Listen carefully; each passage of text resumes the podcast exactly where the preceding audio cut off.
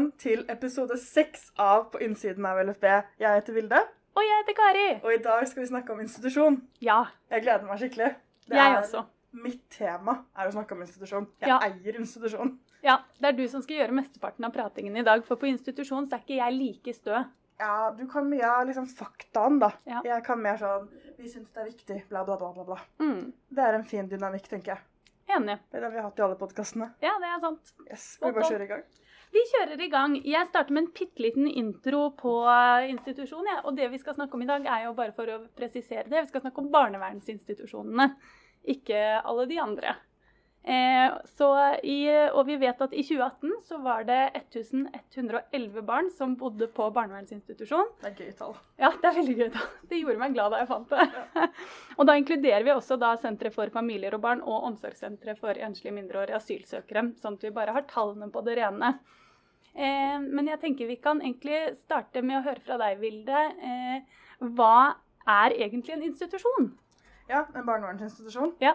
Eh, det er et veldig godt spørsmål, og jeg tror liksom svaret jeg kommer med, er kanskje annerledes enn noen andre ville kommet med det. Ja. Men hvis vi ser på det helt liksom logisk, så er det et, et hjem for barn og unge som er blitt plassert utenfor hjemmet, altså sitt opprinnelige hjem, som ikke kan bo i et fosterhjem. Det er en eh, som regel statlig drevet eh, institusjon, hvor det er ansatte da, som følger opp beboerne. Og det gjorde jeg veldig hermetegn, Mm. eh, for vi kommer til å kalle de ungdommer i denne podkasten. Den store forskjellen eh, mellom de to plass, de vanlige plasseringene i barnevernet er jo et fosterhjem eller en institusjon. Og så er fosterhjem veldig mye mer vanlig enn institusjon. Mm. Mens et fosterhjem det er jo da du bor i en familie. Mens på institusjon så bor du med andre ungdommer og ansatte. Mm. Ja. Det er en logisk forklaring. Ja, jeg syns det var veldig fint. Eh, men jeg lurer på, for du sier det er barna som ikke kan bo i fosterhjem. Mm. Men eh, hva er det som gjør at man ikke kan bo i et fosterhjem? Uff. Det er vanskelig for meg og deg å svare på. Og Mm. Eh, man må jo se på det på to forskjellige måter, tenker jeg. Og det er jo eh, Vi kan ikke begynne med hele loven, eh, fordi det er jo forskjellige typer plasseringer. Men en litt sånn kort en er jo at det er omsorgsplasseringer, som er 412-paragrafen i Mm. den gjeldende loven. Og så har man atferdsplasseringer, som er 424. De ungdommene som må bli plassert på 424, altså atferd, de bor veldig mange tilfeller på institusjon. Mm. De trenger tettere oppfølging av voksne. De trenger kanskje én-til-én-kontakt hele tiden. Altså at noen følger dem. De driver kanskje med rus, eh, har store psykiske problemer og trenger noe kanskje helt annet enn det en vanlig familie kan tilby da, i en Mm. begrensa periode. For det er jo også litt viktig med institusjon, er jo at um, føringene, som man sier, Mm. fra departementet og Stortinget og sånn, er jo at institusjon skal være et midlertidig opphold.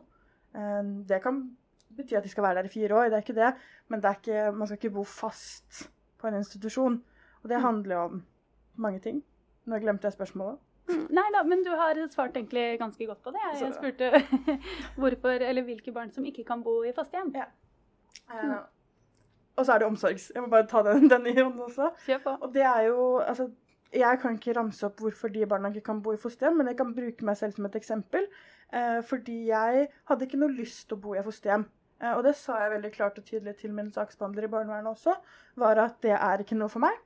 Og så måtte vi finne ut sammen er det det eller ikke. og bla, bla, bla, bla. Mm. Og så fant vi ut at ja, institusjon er kanskje det riktige i en liten periode, hvor jeg kan få litt tettere oppfølging. Mm. Og så er det noe helt annet for en annen ungdom.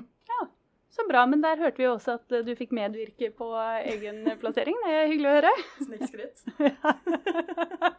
ja, det er herlig snikskritt.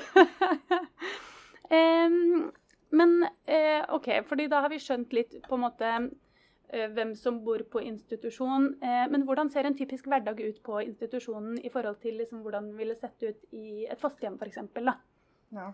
Det, jeg føler jeg tar alle spørsmålene sånn Det er individuelt. Ja, men det er fint, da. Eh, Men sånn er det jo for meg og deg òg. Vi bor begge i egne leiligheter, i hermetegn igjen. Du med Mhm. kjæreste og hjem i kollektiv. Og vår hverdag er jo ikke lik. Men en typisk hverdag på institusjon er jo, og for å bare avstigmatisere alt, Mm. er jo at man står opp, spiser frokost, drar på sin dagaktivitet, som det i hvert fall het da jeg bodde på institusjon, Mm. som er skole eller jobb, praksis, sånne ting.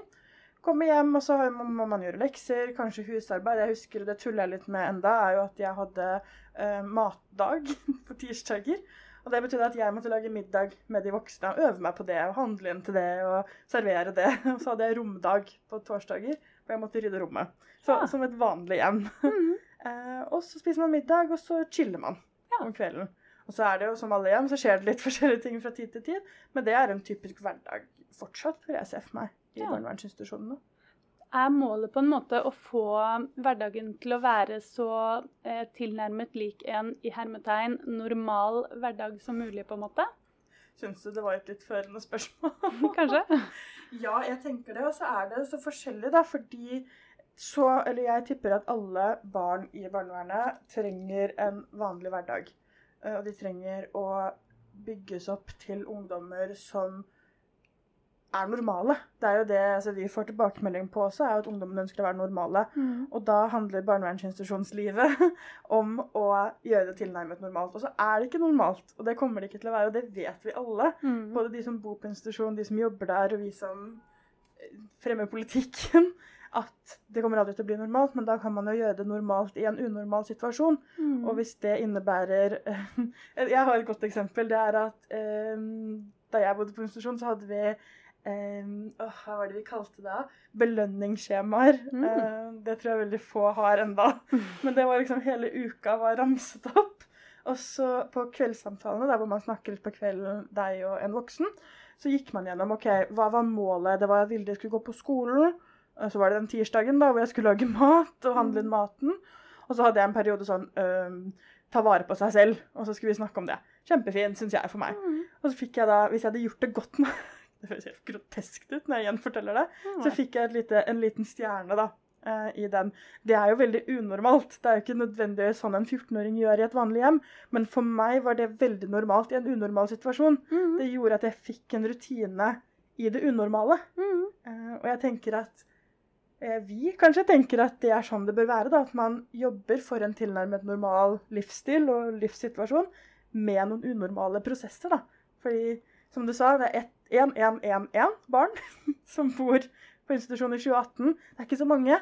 Og da må man kunne tenke litt kreativt om hvorfor trenger de noe annet. Mm. Ja. Ja, og så syns jeg det Hva var det du kalte det? Belønningssystemet System. ditt. Det er jo ikke så ulikt sånn ukelønnssystem som veldig mange barn har i, når de vokser opp hjemme. Da. At sånn OK, du får ukelønn hvis du gjør leksene dine og Mm. bærer ut søpla og tar ut av oppvaskmaskinen og lager middag en dag, liksom. Altså, det er jo ikke så ulikt, bare at du fikk en stjerne i boka. Ja. Men for meg var det veldig motiverende. jeg må bare si det. Og så er det jo sånn, jeg kunne tenke, og jeg har snakket med flere av medlemmene våre som også har brukt belønningssystemer, Mm. på at man føler seg veldig annerledes fra alle andre, fordi et av målene f.eks. kan være å pusse tennene. Fordi det er noe du ikke lærte der når du bodde hjemme. da. Mm. Og det er ikke så veldig mange andre barn på 14 år som har å pusse tennene.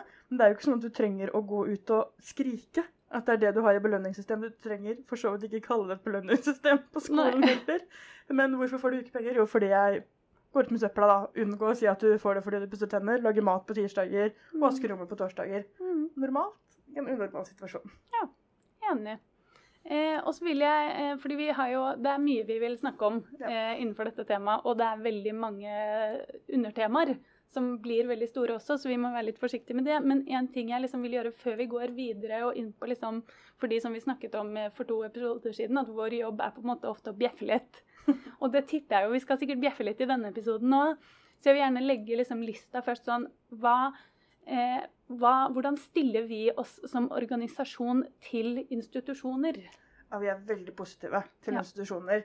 Eh, som jeg sa litt i stad, så er det jo en føring fra Norge om at barn som ikke kan bo hjemme, skal bo i fosterhjem. Mm. Og så er vi alle enige, og spesielt vi i Landsforeningen for barnevernsbarn, om at noen barn vil ha enormt godt utbytte av å bo på en institusjon. Mm. Enten i en lengre periode eller en kortere periode, fordi deres behov tilsier at de har, trenger det. Mm. Um, vi er nok ikke positive til at alle barn skal institusjoniseres. Det er bra. Mm. uh, men at man har øynene åpne for at noen barn trenger det, det er viktig. Mm. Enig. Ja. Eh, og siden du snakker om føringer, så er det jo en eh, Jeg vet ikke om det kalles føring eller hva det kalles, jeg. Men det er jo en eh, tankegang eh, som er ganske utbredt, som er dette med at eh, Siden du har nevnt at institusjonen skal være midlertidig, men også det at institusjonen er et behandlingstilbud framfor et hjem, og at det eh, hos mange tror jeg kan gjennomsyre hvordan man har lyst til å utforme liksom, institusjonstilbudet. Hva tenker eh, du eh, og organisasjonen om det da, du? For det er på P3 Morgen? Mhm. Nei, Nyhetsmorgen, kanskje. Håper det. Eh, uff, ikke sant. Det er så vanskelig, fordi det er Da må vi tilbake til disse paragrafene og plasseringsgrunnlag og sånn. Fordi altså, barn som ruser seg, da, la oss bruke de som eksempel, de vil jo ha noe nå som en helhet, og så finnes det unntakstilstander her, Mm. har behov for et litt mer behandlingsperspektiv. Og Mm. man går inn for å hjelpe dem med å komme seg ut av rusen. Mm. Eh, Det kan jo selvfølgelig gjøres med omsorg også. Det skal en omsorg inn i det behandlingssystemet. Absolutt. Eh, Veldig viktig å påpeke. Mm. Men vi skjønner jo alle at et klapp på skulderen og litt eh, klemmer i ny og ne ikke får man ut av en rus. Det må noen metoder, og litt metodikk og forskningsbaserte tiltak inn der, Mm. som i det store og hele kalles eh, behandling. Mm. Eh, og så kan man jo se på de 412, altså omsorgsplasseringene, som kanskje ikke bør ha det perspektivet i det hele tatt. Hvor disse barna trenger kanskje litt mer systematisert omsorg. Mm. Et begrep jeg liker godt. Enn barn i fosterhjem. Men det er først og fremst omsorg de trenger, og de trenger rutiner og alt dette her. Og vi i Landsforeningen har jo vært litt skeptiske til at vi skal snakke om at alle barn på institusjon trenger behandling. Mm. Men det handler jo kanskje også om at vi ikke har fylt ordet behandling med innhold. Fordi er omsorgen vi etterspør behandling, så er det jo behandling vi etterspør. Mm. Men vi ville ikke kalt det det. Nei. Og da er vi jo inne på en begrepsdiskusjon mm. uh, som vi ikke kan ta nå. Den kommer nok en eller annen gang. Mm. Men å ha en sånn førende tankegang om at barn på eh, omsorgsparagrafer da, trenger behandling, kan nok være litt skummelt i deres behov for omsorg. Mm. Ga det mening? Det ga mening. Eh, og jeg syns jo eh, Jeg er enig i det du sier, at noen ungdommer som bor på institusjon, trenger behandling. Og jeg tror jo også noen ungdommer som bor i fosterhjem, og noen ungdommer som bor hjemme. Altså at det fins jækla mange ungdommer som trenger behandling, for Ja. all del. Bare, eh, nå snakker vi jo da om behandling i hjemmet. Ja. Ja, Det er, det, fordi det er sånn. der jeg syns det blir vanskelig med institusjon. Fordi eh, ungdommer som bor i fosterhjem, og ungdommer som bor hjemme, de vil få behandling utenfor hjemmet. Mens på institusjon, når man skal få behandling i hjemmet, så syns jeg det er så viktig å også huske på at institusjonen er også nettopp det hjemmet. Mm. Og hjemme så må man også få det fristedet hvor du ikke føler deg observert hele tiden. Hvor du ikke føler at alt det de ansatte gjør mot deg, er, og hele liksom kommunikasjonsformen er en del av behandling. For da er du liksom Da får du aldri vært et fritt menneske, da. Mm. Som får slappe Altså, når skal du puste da? Når du tenker sånn OK, men alt jeg For det tror jeg er en følelse veldig mange kjenner på uansett. Det er jo det at alt jeg gjør, eh, det blir skrevet ned.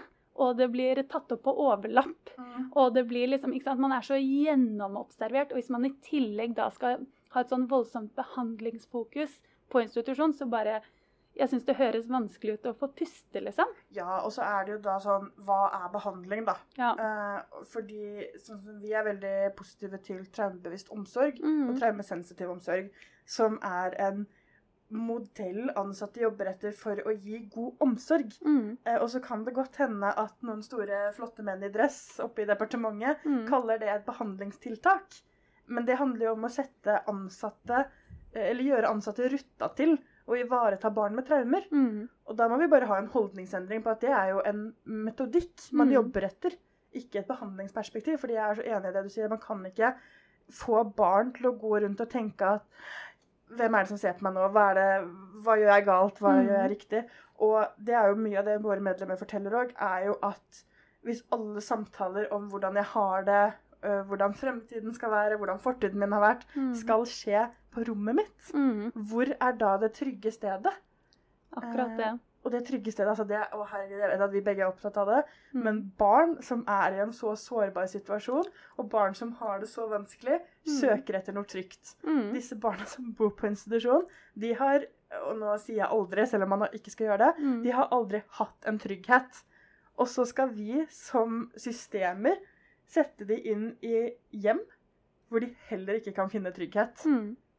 Eller den tryggheten jeg snakker om nå. Mm. Og det er jo Altså, er ikke det litt, litt omsorgssvikt? For å dra den veldig langt. Jo, jo, altså for å dra den veldig langt, og for å bjeffe litt, så mener jeg jo det. Eh, og ja, jeg, ja det, er en, det er vanskelig å finne liksom, skillelinjene og hva som er riktig og hva som er galt her. Men jeg husker så godt helt i begynnelsen, eh, et av mine første oppdrag jeg var på med LFB, så var det snakk om institusjon på en, en eller annen måte. Jeg husker ikke akkurat hva temaet var. Hvor det liksom, vi snakket om hvordan institusjonstilbudet skal utformes, og hva som er fokus, og hjem, hva som er et hjem, og hva som ikke er et hjem. og sånn. Hvor en voksen kvinne som jobbet i jeg lurer på om hun var forskere. Mm. Men hun reiser seg liksom opp og skal ta ordet, og så sier hun sånn Ja, men nå må vi huske at dette er ikke et hjem. Dette er et behandlingstilbud. De er der fordi de trenger liksom behandling fra egna personell og bla, bla. Og da kjente jeg bare sånn Hele meg bare Det rykket i meg, Mm. liksom. Eh, fordi det bare da, Igjen så eh, tror jeg ikke det er det beste for ungdommen å alltid være eh, i behandling. Og så er det jo det Jeg har vært med i et prosjekt som handler om å bygge opp psykisk helseinstitusjoner. mm. på vegne av LFB, da. Mm. Hvor selvfølgelig har man et mer behandlingsperspektiv der. Fordi der er det snakk om at barna skal være i nå sier jeg seks måneder. Jeg husker ikke hva de endte på. Men de skal være der i en kort periode med intensiv, intensiv behandling eh, for f.eks. selvskadeproblematikk. da. Man skal prøve å finne nye metoder for å takle smerte. Mm. Ja, Ja. eh, For å takle det vonde inni seg. Og da skal vi snakke om det. Men de 1111 barna som alle bor på institusjon, kan vi ikke omtale som barn som trenger behandling. Nei. De må vi omtale om som barn som trenger omsorg. Og så må vi dele de nå, nå blir jeg veldig generell her, da. Mm. Men så deler vi de inn i grupper, altså paragrafer, hvor vi ser hva trenger denne målgruppen, og hva trenger denne målgruppen. Og som vi var inne på, atferd trenger kanskje litt mer et behandlingsperspektiv enn omsorg. Eh, men så må vi inn i den gruppa igjen og se på individene. Hva trenger individene, og ingen individer. Selv de sykeste menneskene som er på akuttavdelingen på Ullevål nå, trenger ikke at vi ser på de som sinnssyke mennesker Nei. som trenger behandling. Vi trenger å se på de som mennesker som trenger omsorg, eh, nærhet og kontakt. Mm. Eh, Og behandling til en viss grad. Absolutt. Men ikke 24-7. For da burde kanskje helsevesenet komme inn, tenker jeg. Mm. Helt enig. Eh, nå snakker vi jo litt om dette med hjem. Eh, og det tar meg over til neste, fordi eh, i, det har jo kommet et eh, forslag til ny barnevernlov. Det har vi jo snakket om i tidligere episode. Og der har jo vi skrevet et høringssvar. Og i det høringssvaret så reagerte vi bl.a. på akkurat dette at institusjonene ikke defineres som et hjem når fosterhjem defineres som hjem. Kommer det kun av det behandlingsperspektivet, eller er det andre grunner til at vi reagerte på det? Det, fosterhjem ble jo definert som hjem for første gang i den nye loven. Det er jo Mm. litt viktig å presisere, så Det var noe nytt som ble foreslått, som var helt fantastisk. Mm. Fordi det er jo det barn og unge har pekt på i jeg vil tippe 100 år. Eh, at det nye stedet de skal, er et hjem. Om det så er et midlertidighet, så Mm. er det hjem. Og departementet foreslo det, og så foreslo de ikke på institusjonen. Og jeg velger å være så dumtroende eller godsnill at de bare har glemt det. Det håper jeg virkelig, men så kan det også hende at denne føringen da, som kom for noen år siden, hvor man lesser barn inn i fosterhjem og ikke institusjon, eh, også gjør at man i større grad tenker på institusjoner som en, et behandlingssted. Da. Mm. Eh, og igjen, kan ikke ta hele samme regler som vi nå har bablet om i 20 minutter, mm. men for meg, da, som bodde nærmere fire år på barnevernsinstitusjon Ja da, jeg var der jo for en grunn. Det er jo kjempefint at den grunnen er skrevet ned i år, for det er viktig. Mm. Men hvis jeg som ungdom gikk med en oppfattelse om at jeg bare var der for å bli frisk Fordi så enkel er barnehjernen at Mm. behandling ikke bli frisk. Så hadde jeg jo ikke dratt noe nytte av de relasjonene jeg klarte å bygge opp der, og at jeg ble relasjonssterk. da. Eh, og da må vi ha igjen dette her barnevernfaglige synet og barneperspektivet inn i departementet da, på at OK, det er en veldig liten målgruppe, men kan vi ikke please kalle det hjem for de, da? Mm. Og ikke kjære Kjell Ingolf Ropstad. Her kommer en tale til deg. Mm. Ikke kall det behandlingshjem. Nei. Det er et hjem, bare. Ja, ja. for det er jo hjemmet til ungdommen. De har jo ikke noe annet hjem, så de må jo få lov til å få et sted hvor de også kan si det er hjemme. Ja, Og så skal vi ikke bakke på det at de må si det, Nei. for det er det ikke alle som vil. Ikke om fosterhjem engang. Nei, nei, Men lovens betydning og lovens, hvordan vi tolker loven, både vi og jussen og folk som skal, barn som skal klage på vedtakene sine, da er det så viktig at det er presisert intensjonen. Mm. Og intensjonen til institusjonene, etter vår mening, er at det er hjem. Mm. Og kanskje spesialisert hjem, da. Mm. Ja, for jeg tror det og også det med at Fordi med en gang det nye i denne barnevernloven var jo også det at når fosterhjem ble kalt hjem, så fikk de også liksom en definisjon på hva slags omsorg de skulle få der. At det skulle være sensitiv omsorg, og at det liksom det kom mer med den Eller som fulgte med definisjonen av et hjem. Og når det ikke kom på institusjon, Mm. så husker jeg, for det husker jeg vi reagerte veldig på begge to, at det står veldig mye om sensitiv omsorg og liksom eh, hvordan man skal behandles på en fin måte, og hvordan omsorgen skal utøves i fosterhjem, som ikke, som ikke det samme står på institusjon. Mm. Og det er så dumt, da, fordi ja, da, eh, ansatte på institusjon har eh, forskrifter og rundskrifter og hurra meg tusen rundt. Mm. Eh, men igjen så er jo liksom Det er som med Grunnloven, da. Den står så støtt i samfunnet at sånn er det. Og så kommer det underlover. Barnelov, barnevernloven, helseloven, bla, bla, bla lover. Mm. Mens Grunnloven står støtt. Og sånn er det jo med barnevernloven i et barnevernsbarn sitt liv. Det Mhm. er grunnmuren til alt. Og hvis vi ikke klarer å definere hva institusjonene våre er der, men må inn i en forskrift og inn i et rundskriv, så mister vi det Mm. totalt. Og spesielt, altså Vi hadde jo ikke reagert på dette hvis fosterhjem ikke hadde hatt den definisjonen, men det var når Altså, vi glemte hjemmene til 1000 barn. Mm.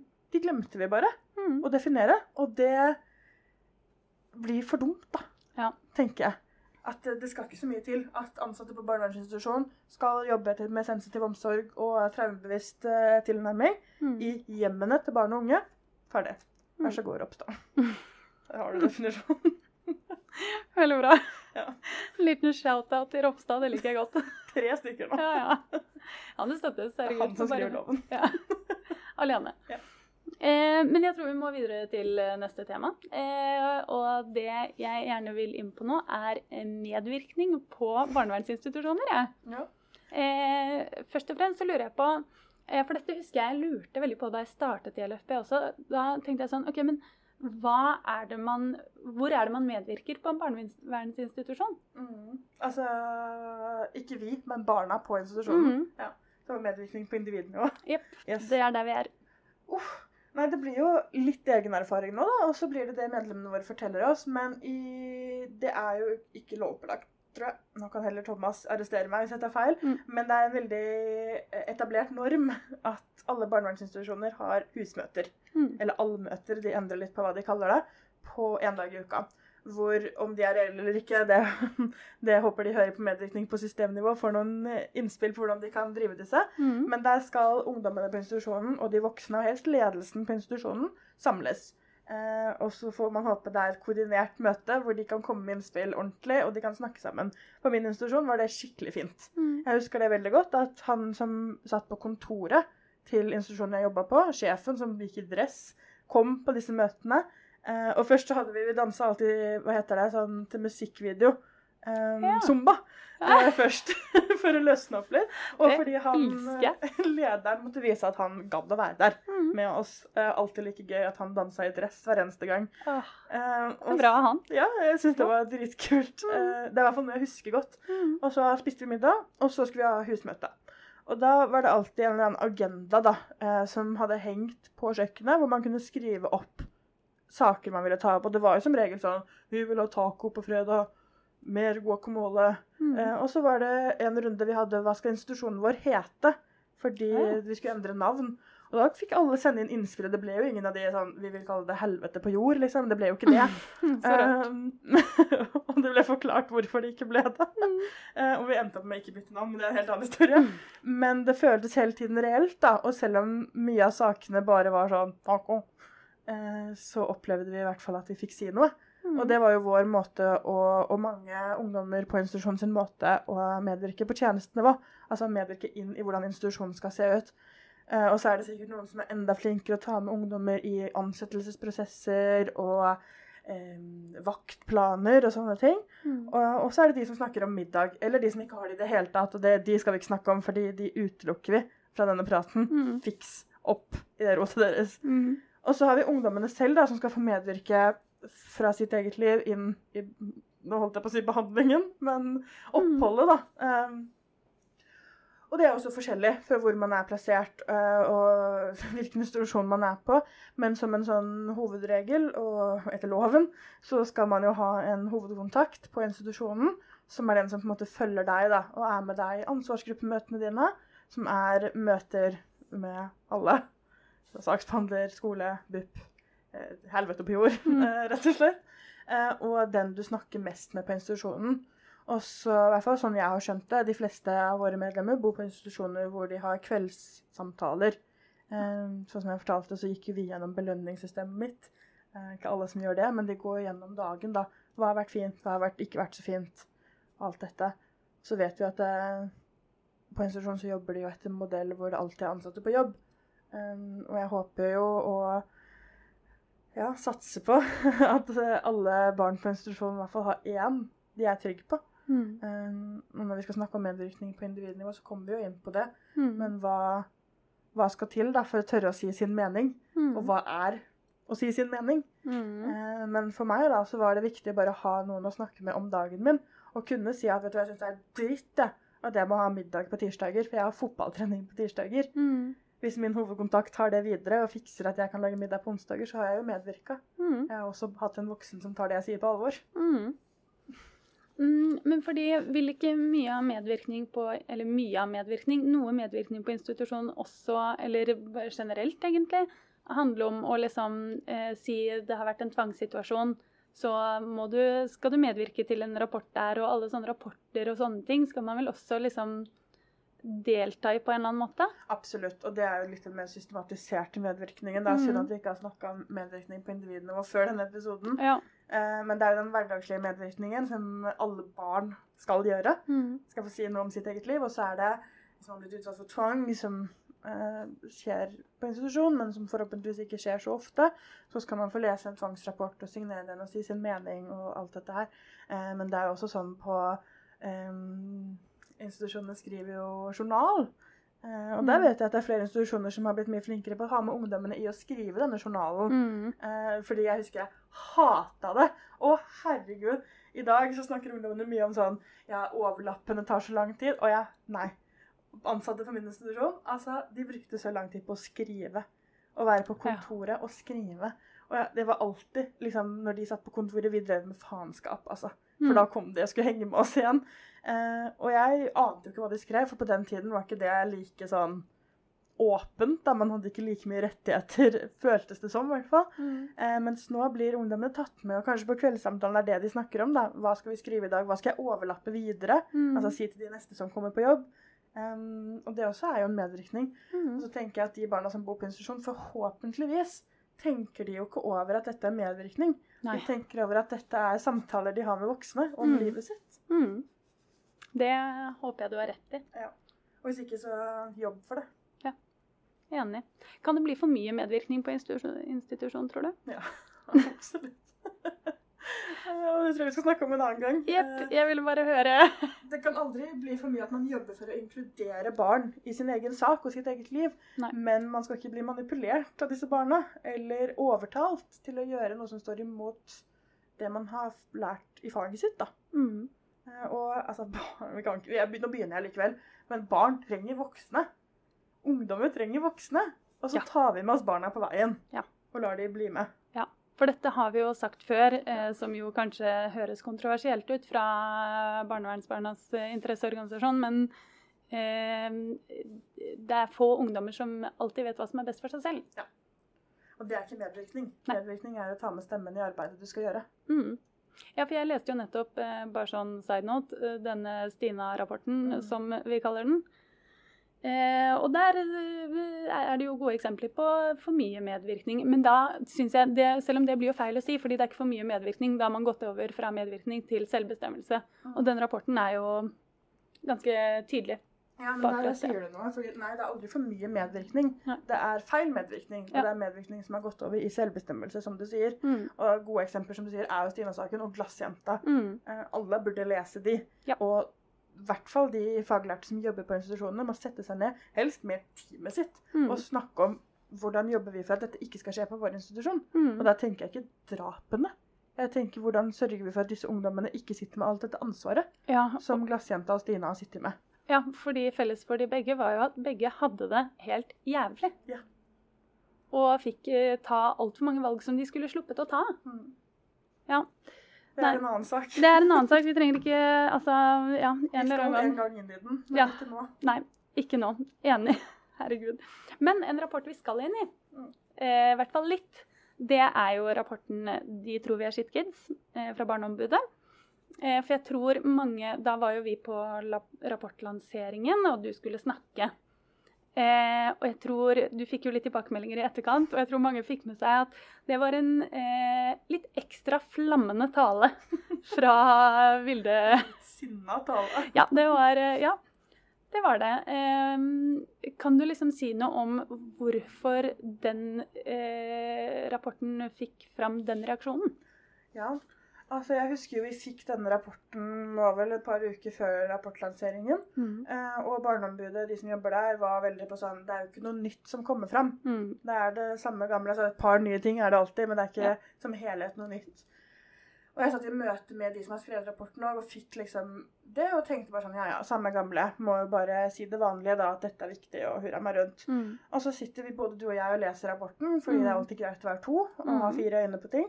Eh, og så jo mer vi leser, jo begge blir jo hissigere. Mm. Eh, og jeg følte i hvert fall at jeg måtte stoppe flere ganger og liksom puste. Mm. Fordi jeg ble så sint på vegne av de barna som bor på institusjon. For det som i stor, altså, som hovedtrekk kommer frem, er jo at ingenting har endra seg Mm. de siste 20 årene. Mm. Det var å dra i litt, da. Men Ja. de siste ti årene så har det ikke blitt vesentlige endringer i hvordan barn har det på institusjon. Nei.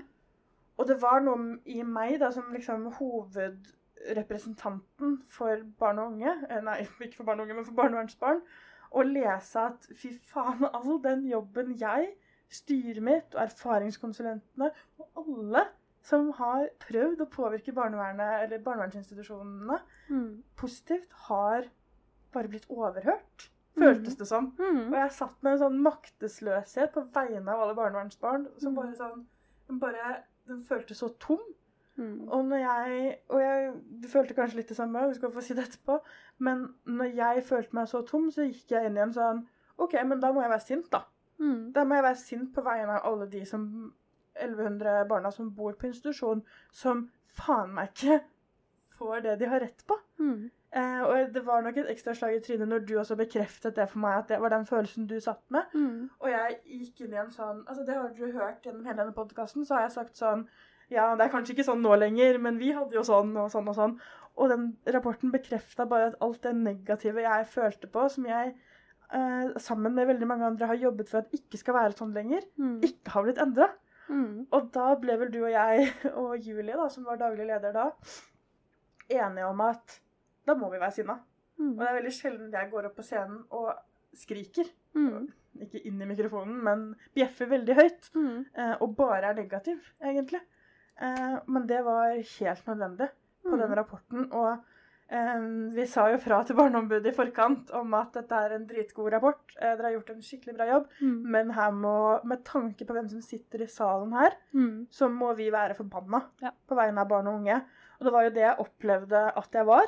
Um, jeg kjefta jo litt på Marit Romald i Bufdir mm. og stortingspolitikerne. Og det gøyeste eh, var jo i etterkant. Fordi veldig få har sett meg så sint. Mm. Jeg er ofte så sint her på kontoret. Mm. Um, men jeg fikk en del mailer i ettertid Det det eh, som var sånn Veldig sosionomete og veldig søtt, men som var sånn Jeg skjønner at du er sliten nå, Vilde, Mm. men jeg håper du fortsetter å stå i jobben din. Bla, bla, bla, bla. bla. Um, som for så vidt er kjempehyggelig, og det er fint. Gjerne fortsett med det. Men gjør forskjellen òg, da. Eh, Ja. Fiks det på institusjonene. Men uh, kjenner du deg igjen?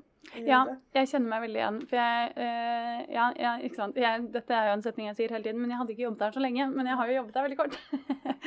men jeg husker, da følte jeg liksom jeg hadde kommet litt inn i det, og jeg hadde lest en del av disse gamle rapportene. Um, og tenkte sånn, ok, men, og vi hadde snakket litt om det, jeg hadde liksom fått inntrykk av at det hadde blitt bedre, og var veldig glad for det. Eh, og så kommer det en rapport som er eh, så flunkende ny at det blir ikke nyere, på en måte. Og jeg husker jeg leste det med en litt sånn samme følelsen, at en sånn voksende eh, forbannelse inni meg, liksom. Fordi jeg kjente bare sånn OK, men for faen, ass. Her, Vi snakker så mye, og vi har snakket om forrige episode, eller for to episoder siden om også, at sånn, det er mer og mer medvirkning. Det virker som folk vil høre på oss. Det Folk bryr seg virkelig om barna nå. liksom. Det er et sånn fint fokus på det. Og når den rapporten kom, så kom det for meg som sånn slegge i trynet. Som var bare sånn OK, men det er bare ord.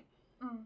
Man gjør ikke noe med det. Man gir helt faen. Altså fordi det Nå jeg kjenner jeg blir sinna av å snakke om det, faktisk. Ja. Fordi bare den, det den rapporten sa til oss, da, tror jeg, var at sånn På papiret så gjør vi gjør vårt beste, vi. Herregud. Men allikevel så bruker vi 100 jævla år på å finne ut av ting som faktisk ikke er så jævlig vanskelig. Mhm. Det var sånn vi opplevde det da, i hvert fall. At vi ble så sinna fordi det er ting som vi liksom det, det oppleves som det finnes etablerte løsninger på det. Alle vet i teorien hva som skal til, men så bare gjøres det ikke. Mhm. Og da klikker det for meg, for det er barn og unge som lever i dette systemet nå, som har levd i dette systemet for mange år siden, og som skal leve i dette systemet i all tid framover. Da har vi ikke muligheten til å svikte disse barna noe lenger. Det er de barna i samfunnet som det er viktigst at vi tar godt vare på. Mm. Og så skal vi bare bruke pene ord og gjøre ingen handling og gi helt faen. Altså, det bare den, det, Jeg ble så rasende Ja. av den rapporten, faktisk. Òg. Det var jo et av hovedbudskapene vi egentlig skrev litt sammen, men som jeg Mhm. tok opp på scenen, var jo at rapporten heter 'De tror vi er shitkids', og det er følelsen barn og unge på institusjon sitter Mhm. med. At jeg blir, jeg blir lei meg av å Mhm. si det høyt. Eh, og det er jo ikke realiteten. Realiteten er at det er skittige voksne Ja. som ikke klarer å bygge systemer som ivaretar disse barna. Ja. Eh, og det var konklusjonen. Ja. Og så må man jo håpe at det går eh, veien videre. Men i den der frustrasjonen over at har vi faen meg ikke snakka nok om dette nå? Mm. Eh, den bare, det var et slag i ansiktet, ass. Ja, for vi har stått på barrikadene så mange år og sagt det her, ass. Og så, er, og så sier folk sånn Ja, vi hører på dere, dere er kjempeviktige. Og så får vi bare skriftlig bevis på at sånn OK, men så viktig er vi ikke da, tydeligvis. Fordi dere har ikke giddet å gjøre noe med det. Og det er faktisk de voksnes jobb, ass. Det er, det er ikke noe Altså, sorry, nå ble jeg litt hard her, men eh, disse voksne menneskene, det er folk som har eh, ofte studert. De har valgt å jobbe med dette her, mest sannsynlig fordi de bryr seg om det og er engasjert i det. Det er faktisk deres ansvar at dette her skjer, og at det skjer fort. Mhm. Barna som er i systemet, har ingen valgmuligheter. Da må dere ta ansvar, liksom. Ja, og det også er jo var, Det andre hovedbudskapet på scenen var jo det at vi kan snakke så mye om en barnevernsreform som trer i kraft om fem år, eller en lov som kommer om to år, og Mm. alt dette her. Men det våkner barn. Det har våkna barn på institusjon i dag. Det Mm. skal våkne barn på institusjon om to uker, som bor i det samme skittige systemet. Mm. Skal vi ikke tenke på de, da? Det er det som er så frustrerende, hvor vi som barne- og ungdomsorganisasjon må ha et sånt nåtidsperspektiv på men hva med de nå? Mm. Vi må ha noe som hjelper de nå. Vi kan ikke bare tenke ja, men det blir bedre om fem år, det blir bedre når den loven kommer. Nei, nei. Dette handler om en holdningsendring Mm. til disse barna. Det handler om en holdningsendring på hvordan vi skal hjelpe dem. Mm. Og den skjer nå. Yep. Den skjer ikke om ti år. Fordi da har vi svikta 10 000 barn, da. Mm. Veldig enkelt regnestykke, egentlig. Ja, det er det. Og så er det jo altså, det er jo lett for Vi sitter jo i en litt sånn privilegert rolle her, fordi vi har på en måte det privilegiet at vi kan være utålmodige på barnets vegne på en helt annen måte enn de som jobber, jobber med det da, høyt oppe i systemet. Men jeg savner en litt større utålmodighet der, altså, rett og slett. Og der har Nå skal jeg skryte litt. Der har Barneombudet vært kjempefint. Mm. Altså Inga Beiereng, som er barneombud nå, er så utålmodig på Mm. vegne av barn. Og spesielt på vegne av barn på barnevernsinstitusjon. Mm. Og vi trenger det engasjementet i alle etater, i alle systemer. Mm. Fordi hvis én person kan trampe og smelle litt, trenger ikke være utad engang, det Mm. kan være internt, så blir det litt fortgang. Ja. Og vi kan ikke være den eneste premissleverandøren for at ting må skje nå. Nei. Det må det være overalt. Og please, må ikke bare tale til Ropstad, tale til alle Mm. som jobber med barn og unge, og spesielt barnevernsbarn på institusjon. Vær litt sinna på våre vegne. Mm. Det er da ting blir bedre. Det er da Mm. ting endrer seg. Enig. Vi trenger det engasjementet. Samtidig som dette ikke er en oppfordring til å gjøre eh, slett hastearbeid. Sånn. Absolutt ikke. Eh, Men å bry seg, det krever ikke en lov. Nei. Enig. Helt enig.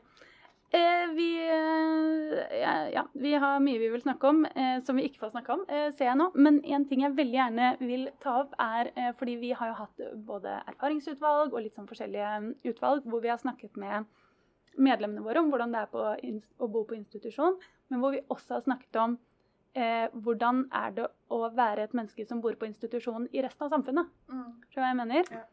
Eh, og da er det jo eh, særlig fordommer og eh, liksom hvordan de blir møtt av andre mennesker. da. Mm. Jeg vil inn på. Eh, kan du fortelle litt om hvordan det kan oppleves? Ja. Igjen, rapporten har jo et fint navn. De tror vi mm. er shitkids. eh, og det er jo det medlemmer forteller også, og det jeg husker godt av de jeg bodde med, hvordan jeg opplevde det òg, var jo den derre Vi har det tålelig OK i den bobla vi er i her inne på institusjonen. Mm. Og så går vi ut i samfunnet hvor vi ikke passer helt inn. Mm. Eh, et, jeg bruker et eksempel fra eget liv og et fra medlemmene. Det jeg husker best når jeg følte meg som en shitkid, altså skikkelig shitkid, Mm. og så annerledes fra samfunnet, var Jeg bodde på et veldig lite sted. Uh, alle visste hvor institusjonen var. Det var liksom der Kids turte ikke gå dit på halloween, da, for de trodde den var haunted av tidligere barnevernsbarn. liksom. Det var Ja, helt groteskt. Og det var én nærbutikk der, og der fikk ikke vi lov å gå inn uten ansatte. Det hang eh, plakat på vei inn i butikken at barna på, i den og den adressen, altså på institusjonen, får ikke gå inn i butikken på egen hånd. Oi, alle dager. Og jeg kom jo på den institusjonen ganske bare sliten og lei. Jeg hadde ikke så mye Jeg hadde i hvert fall ikke noe atferd, for den var inagerende i så fall. Mm. Uh, For å drive litt egen motivasjon her. Mm. Um, og det føltes bare som sånn Å ja, så jeg skal få skylda for noen andre sitt påfunn? Mm. Eh, fordi ja, det er sikkert absolutt noen som har stjålet i den butikken, og noen som har Mm. gjort noe galt. Men skal hele samfunnet bare allerede nå vite at det også er meg? Mm. Er det, det er jo et mirakel at jeg ikke bare rana hele den butikken. Mm. For det var jo en forventning allerede. Eh, og så forteller medlemmene våre om akkurat de samme eksemplene, hvor ei av de som var i erfaringsutvalget, tror jeg, Mm. fortalte at hun måtte vente på toget hver morgen eh, for å ta det til skolen. Og da eh, de andre elevene som kom med foreldrene sine og sånn, ble liksom tatt vekk fra henne. Det var avstand mellom hun og alle andre. Mm. Eh, det var før korona, da. Mm. Eh, mens alle andre sto i grupper, og hun sto helt aleine. Mm. Hva gjør det med deg som menneske, da? Mm. Å gå og føle på det hele tiden. En sånn eh, Veldig mange forteller meg at de, har, de føler de må fortelle alle hvor de bor. Fordi det er nesten blitt en forventning at man skal gi beskjed om at man er litt annerledes. Å, for faen. Eh, og eh, alle barnevernsbarn har slitt Eller alle. Eh, Mange har slitt med dette problemet jeg skal ta opp nå, men eh, et godt eksempel er jo sånn hvis man skal til BUP, da, eller DPS når du begynner å bli litt eldre, Mm. og så må du føre opp eh, foresatte. Eh, og de kommer nesten litt automatisk på papir. Det vet jeg ble endra nå i 2020. Bra. Men uh, da jeg var ung spesielt, så kom det helt automatisk hvem mine foresatte var. Og da måtte jeg aktivt si imot. Og Mm. ta bort deres samtykke til å se mine papirer. Mm. Uh, og det er jo ikke bare institusjon, men det er liksom en bitte liten sånn Ja, jeg som 14-åring må deale med det, i Mm. tillegg til alt annet. Jeg som 13-åring må stå på denne togperrongen og se at folk trekker seg vekk fra meg. Mm. Jeg som 15-åring får ikke lov å gå på matbutikken aleine. Mm. Og jeg som 17-åring har kids som skriker når de løper forbi utenfor fordi oh, institusjon er så skummelt. Mm. Den, det bildet av mitt liv er, eller barnevernsbarn på institusjonen sitt liv, ødelegger kanskje mer enn noe annet. For Mm. man føler seg jo annerledes. Og jeg ser at vi har litt dårlig tid, men eh, det er veldig digg å møte andre som har bodd på institusjon, eller bor på institusjon, for alle sammenligner livene eller årene man har bodd der, månedene man har bodd der, med en sånn boble. Mm. Hvor man, institusjonsbobla, hvor man har det, som jeg sa i stad, tålelig OK på innsiden. Det er jo mye skitt der i Norge, men Mm. likevel. Og så skal man ut av den bobla. Eh, og så starter man liksom med at ansatte skal være med deg ut. Og det er mye som skjer, og du skal få kanskje litt tilrettelagt, og bla, bla, bla. Og så bare sprekker bobla. Spesielt den dagen du skal ut på egne ben, ut av den institusjonen, Mm. hvor alt du har lært opp til, eh, som er at det er voksne rundt deg til enhver tid, hele tiden er det voksne der. Eh, du får ikke lov å gå på den butikken fordi du er institusjonsbarn. Eh, ikke snakk til noen på toget for de syns du er rar. Eh, ikke ta med noen hjem, fordi du vet ikke hvem av de ansatte som er på jobb, og du, kanskje det er tvangssituasjon i stua. Mm. Alle de normene og reglene du har lært deg, de bare pff, forsvinner. Mm. Og mange sammenligner det med å komme ut av fengsel. Og jeg tror det er en god sammenligning, fordi du har bodd i- inni et sånt eh, diskriminerende samfunn, kanskje. Eh, eller et eh, stigmatiserende samfunn, er det jeg tenker på. Hvor en dag faller de veggene bort, og du skal én akseptere at det skjedde med deg. Mm. At folk eh, stigmatiserte deg så mye. Og så skal du lære det en gang til. Mm. At å ja, jeg trenger ikke Alle trenger ikke vite hvor jeg bor. Alle trenger ikke vite at jeg er annerledes. Um, og det er fælt, da. Og i hvert fall sånn som vi har sagt en del ganger nå, å se at det henger igjen. Um, det var jo noe av det jeg håpte høyest på. At barn og unge ikke føler på lenger. Mm. Og så ser vi det motsatte, da. Mm. At de blir fortsatt De føler seg fortsatt som da. Ja. ja. Og bli behandla som det, ikke Ja. minst. fordi hvor kommer den følelsen fra? Den kommer ofte fra Den kommer ofte ikke innenfra nødvendigvis. Den kommer fra utvendig press. Og det er jo noe man må gjøre noe med. Men som jeg syns er vanskelig å vite hvordan man skal gjøre noe med, fordi det handler om holdninger i hele samfunnet. Men eh, det er jo Ikke sant? Skal, vi legge, skal disse ungene her få enda mer dritt? Det er bare det jeg tenker hver gang jeg hører om en ny sånn ting, så blir jeg sånn «Nei, Det er enda mer dritt, ja. Det er, på et eller annet tidspunkt må du stoppe, da. Mm. Så det må vi alle tenke på. Alltid. Enig. At uh, det er ikke shit kids, det er shit i voksne. Som er Eh, bedre jobb. Rett og slett. Jeg tror vi må sette strek der for institusjonspraten i dag. Ja, herregud, det går så fort. Det gjør det. Skravla går. Skravla går. Jeg syns det er bra. Men før vi går, så skal vi jo ha vår faste spalte, Vilde. Det er ukas hjertesukk. Hva er det for deg i dag? Uff, ah, nå endra det seg jo til disse institusjonsbarna, da. Ja, men generelt ukas hjertesukk. Og uh, jeg sa til Kari rett før vi begynte podkasten at nå må vi huske at denne her kommer ganske langt fram i tid. For vi Mhm. spiller denne inn i slutten av juni, og den kommer ikke før slutten av juli. Det klarte jeg å glemme nå. Ja. Uh, så mitt hjertesukk er at i morgen skal jeg bære ganske tungt. Ja. Uh, for vi drar på sommerleir i morgen. Mm. Yes, jeg gleder meg skikkelig. Men rett ved siden av oss nå så står det esker på esker med ræl som skal være med. Og Mhm. det er tungt. Det er veldig tungt. Og det gruer jeg meg til å bære i morgen. Eh, mitt hjertesukk denne uka jeg, det- Nei, jeg, jeg Ikke ta et sånt veldig trist et når jeg tar bæretungt. Nei, da. ja, men det er det jeg har. Altså, denne uka er jeg jo bare glad fordi vi skal på sommerleir. Altså, livet smiler, liksom. Så jeg, jeg, eh, jeg skal ikke melde pass. Mitt eneste hjertesukk da er at eh, det er eh, foreløpig meldt litt regn på en av dagene i sommerleir hvor vi skal ha en gøyal ut uteaktivitet, så jeg håper det endrer seg. Ja. Åh, det er vanilla hjertesukk denne uken, ass. Men det det er er, kanskje bra. helt fint. Det er midt i fellesferien Ja, at det er tenker det de får. Ja. Yes. Ja, men det er fint. Eh, da har du en eh, sånn avsluttende setning om institusjon du har lyst til å smelle ut før vi går av? Jeg har to. Den første er at vi er jo ikke ferdig å snakke med institusjon. Og det er litt viktig å si at nå har vi bare starta praten. Mm. Og så er dette en offisiell invitasjon til Barneombudet spesielt. mm. På å komme og snakke om denne rapporten med oss. Eh, Den er skikkelig interessant, og jeg tror at dere som hører på, også har nytte av å høre de som har skrevet den sine refleksjoner. Ja. Men ikke minst kommer vi til å fortsette denne praten med medlemmene våre, med styret vårt og ekåene våre, fordi det er så viktig. Men den oppfordrende setningen på institusjon er um, Å, gå inn i politikerhjernen. Mm. Ikke få meg til å la meg Nei, vent, OK. Jeg er ikke shitkid. Det er du som er en shitty voksen som ikke får meg til å føle meg noe bra. Veldig bra. Jeg kjører en siste oppsummerende okay. etter deg, og min siste er igjen så har vi bjeffa masse. Men vi er veldig positive til institusjon. Det er, bare, det er jobben vår. Ja. Vi må og be folk skjerpe seg. Ja, for tenker jeg. fader. Det er jobben vår. Yes. Sånn er det. Takk for praten. Takk for praten, Vilde. Da vi snakkes om to uker. Det gjør vi. Ha det bra. Ha det bra.